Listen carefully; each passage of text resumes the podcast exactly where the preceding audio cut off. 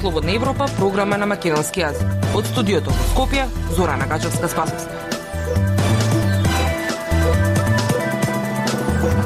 Почитувани, ја следите утринската емисија на Радио Слободна Европа. Во неја објавуваме. Лидерот на владеачката СДСМ Зоран Заев поднесе оставка од премиерската и партиската функција по поразот од опозицијската ВМРО ДПМН на локалните избори. Независната кандидатка Данела Арсовска со поддршка на ВМРО ДПМН победи во Скопје. Филхармонија трага по совршениот баланс меѓу модерното и железниот репертоар. Премиерот Зоран Заев си поднесе оставка откако опозицијската ВМРО да помене прогласи победа во повеќе општини меѓу кои во градот Скопје.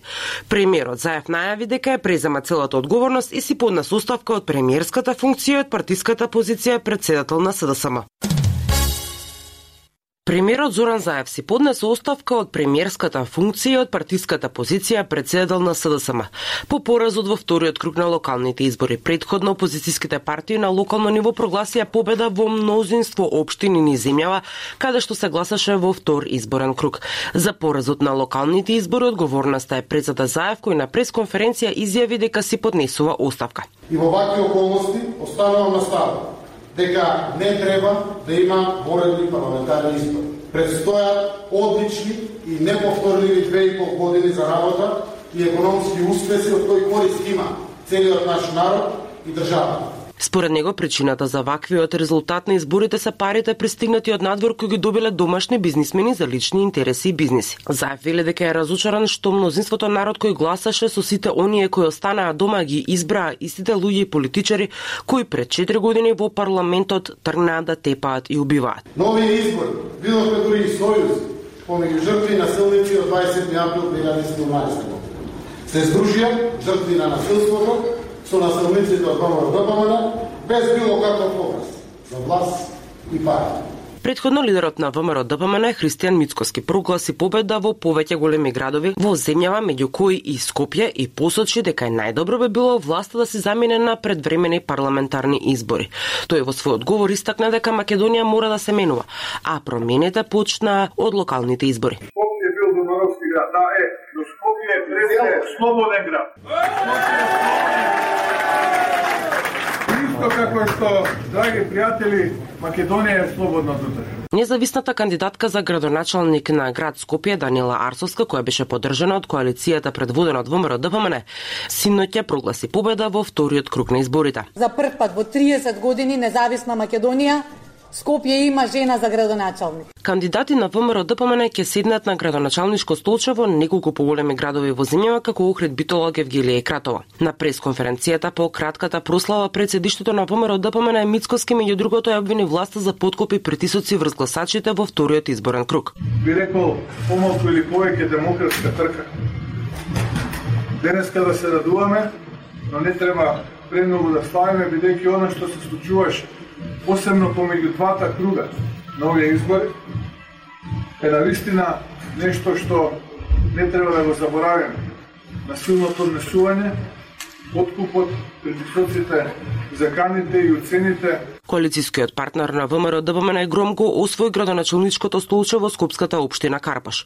Стефче Кимовски освои нов мандат во оваа општина со повеќе гласови од неговиот против кандидатот СДСМ Душко Велговски. Победа во Тетово прогласи и кандидатот за градоначалник Билел Касами. До сегашната градоначалничка Теута Арифи на куса пресконференција му ја честиташе победата. Сакам да и му честитам за победата и му посакувам успешна работа, имајќи го предвид фактот дека Тетово е град со многу предизвици. Втор мандат освои досегашниот градоначалник на Куманово Максим Димитриевски во битката со доскорешниот со партијата ЦСМ и против кандидат Оливер Илиевски. Леле, луѓе, што Опозицијската алијанса за албанците прогласи победа во Гостивар. Актуелниот градоначалник Арвен Таравари тврди дека во градоначалничката битка води со над 5000 гласа разлика. И се надевам дека од утре ќе почнат нови преговори за нова влада, бидејќи СДСМ и ДУИ веќе немаат кредибилитет во народот. Председателот на Државната изборна комисија Александар Даштевски ги оцени изборите како успешни и мирни со изолирани инциденти. Ова се седми локални избори од независноста на Македонија и втори по ланските парламентарни кои се одржуваат во време на пандемија со коронавирусот. Култура и уметност. На Радио Слободна Европа. Во продолжение ќе го слушнете неделното интервју со Тина Иванова, музиколог и веде директор на Филхармонија. Се движиме во чекор со она што го создаваат светските симфониски оркестри. Се движиме далеку понапред од овие времиња што не притискаат во реалноста, Вилетина Иванова, музиколог и виде директор на Филхармонија. Филхармонијата беше единствената културна институција која во време на пандемијата не ги затвори во целост вратите за влюбениците во музиката. Со неа разговараше Љупчо Јоловски. Иванова филхармонија беше веројатно единствената културна институција во земја која во екот на пандемијата не ги затвори портите за публиката. Напротив, ги искористи сите можни начини и алатки да ја одржи врската со љубителите на музичката уметност. Оттаму ли е потребата актуелната сезона 2021-2022 да ја насловите во движење? Целта ни беше да не престанеме со работа, затоа што сметавме и се уште сметаме дека музиката е движење, во животот. Музиката не носи надвор од оваа сива и сурова реалност, а тоа ни требаше во, во време не време. Музиката е лек, А ако е така, тогаш ние треба да работиме и ние треба да им служиме на оние луѓе кои што доаѓаат и кои што не слушаат, да им служиме за убаво. Мотото се наметна само по себе филхармонија во движење токму заради тоа, но исто така филхармонија во движење значи и прогрес на филхармонија Нашата цел е прогрес и во програмска смисла, значи да пласираме дела кои што не биле изведени во Македонија, современи дела, дела кои што се мейнстрими во Европа и во светот, а исто така и движење или прогрес на самиот оркестар. Целта ни е да го подигнеме квалитетот на оркестарот и да одиме да звучиме идентично како сите европски филхармониски оркестри. Почетокот на сезонава беше блескав со два специјални проекти како Данте 700 на кој Франц Лист го свиревте со Симон Трпчевски како солист и потем со премиерната изведба на антологиското дело Музика за 18 музичари од американскиот композитор Стив Райх. На што всушност се подпира концептот за актуелната сезона? Како што и почнавме, така и ќе завршиме. Цела сезона е направена многу шарено. Има некои концерти кои што се навистина излегуваат надвор од рамките на институцијата во програмска смисла концерти кои што се многу модерни и прогресивни, концерти кои што носат премиерни дела никогаш не изведени на оваа сцена. Програмата и концептот на целосната програма е да направиме баланс меѓу таквите дела и оно што е што се нарекува железен репертоар, односно класичното симфониско творештво кое што никако не смееме да го избегнеме и заради нас, заради публиката и заради постоењето на оваа институција. Како што спомнавте, отварањето беше со Данте 700, посветено на Данте Алигиери, со Франц Лист, една покласична програма, концерт за пијано и оркестар број 2 и симфонија Данте од Лист, романтична и класична програма. Меѓутоа, веќе вториот концерт, Стив Райх, музика за 18 музичари, кој што прв пат се изведува на оваа сцена и кој што помина фантастично, како и самото отворање, носи една сосема поинаква естетика звучна. 18 музичари на сцена. Прво не е цел оркестар, второ премиерно дело е. Трето е дело кое што му припаѓа на периодот на минимализмот, а Стив Рајх како негов најеклатантен представник за прв пат се изведува во Македонија и за прв пат на сцената на филхармонија, на самите музичари и на публиката им донесе нови видици, нови хоризонти, зашто сме на бистина срекни и горди и сакаме да продолжиме да ја носиме филхармонија во таа насока. Да понудиме еден поинаков звучен израз кој што го имаат сите во светот, сите филхармониски оркестри. За нас е може би чудно, за некој е чудно, може би е страно, меѓутоа не е воопшто чудно. Таа музика е направена за филхармониските оркестри. Сакаме и публиката да ја навикнеме да слуша таков тип на музика, бидејќи е навистина прекрасна. Што би можело да од останатиот дел на програмата, која допрва треба да ја распостилате, да биде издвоено како засебна понуда, која сигурно ќе ги предизвика љубителите на уметноста да дојдат во филхармонија. Нешто што е надвор од на она што сме навикнати ние и самата публика. Јас лично би го издвоила концертот на Баланиско квартет, Многу мина ги познаваат и од нивното гостување во Скопје пред околу 20 на години, еден фантастичен квартет кој што се занимава со модерна класична музика, а за широката јавност стана препознатлив по прекрасните обработки на Крафтверк. Би го издвоила концертот наречен Requiem for my friend, насловен според истоименото дело на Збигнев Прайснер. На тој концерт диригент ќе биде Михал Нестеровиќ од Чешка, еден извонреден диригент кој што веќе гостувал со филхармонија. Го издвојувам прво затоа што повторно станува збор за премиерно дело, второ затоа што Збигнев Прайснер исто така во филхармонија никогаш не бил изведен и трето затоа што станува збор за едно дело кое што е вокално-инструментално грандиозно дело,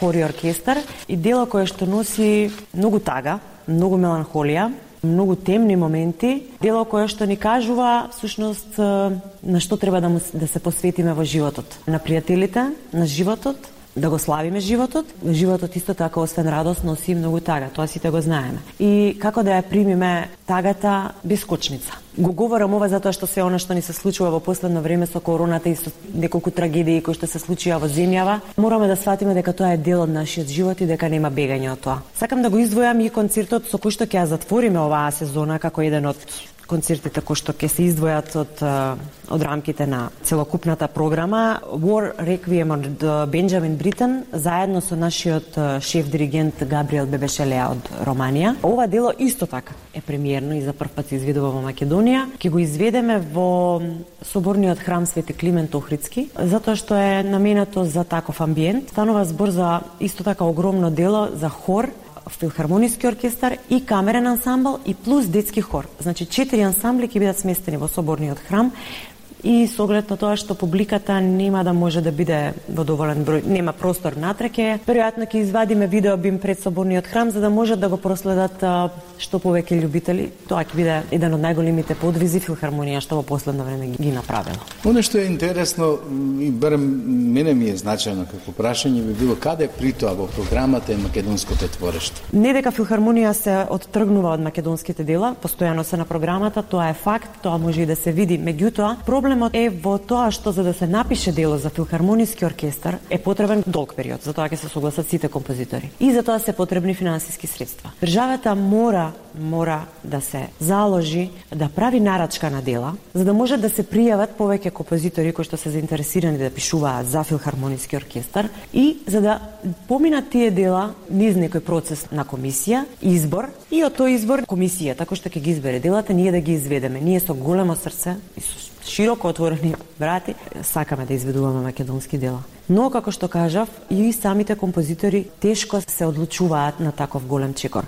Оно што е специфика на филхармонија во последниве години е излегување надвор од институцијата. Тие концерти стана исклучително популарни. Каде сте тука во оваа нова сезона и во периодот што следува? Тие концерти собираат повеќе од 15.000 луѓе.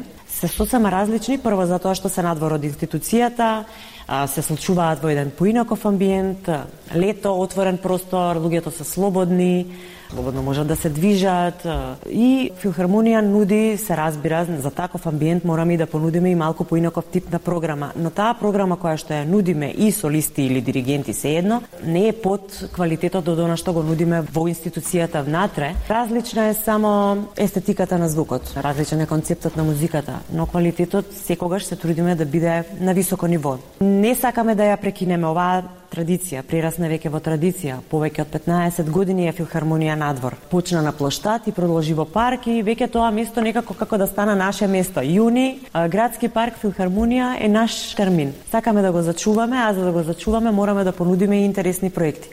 До сега на вистина имавме интересни проекти. Освен Архангел Годинава, лани имавме Ну погоди, музика од цртаните филмови од бившо југословенските земји. Љубов и револуција, каде што хорот изведуваше малку панк и по-прогресивни композиции заедно со симфониски оркестар, исто, исто така беше една новина. Да не ги заборавиме концертите на Дейвид Бови и Пинк Флойд. Нешто што е редкост дури и во светот. Исто така сме давали концерти со класична програма, джез концерти.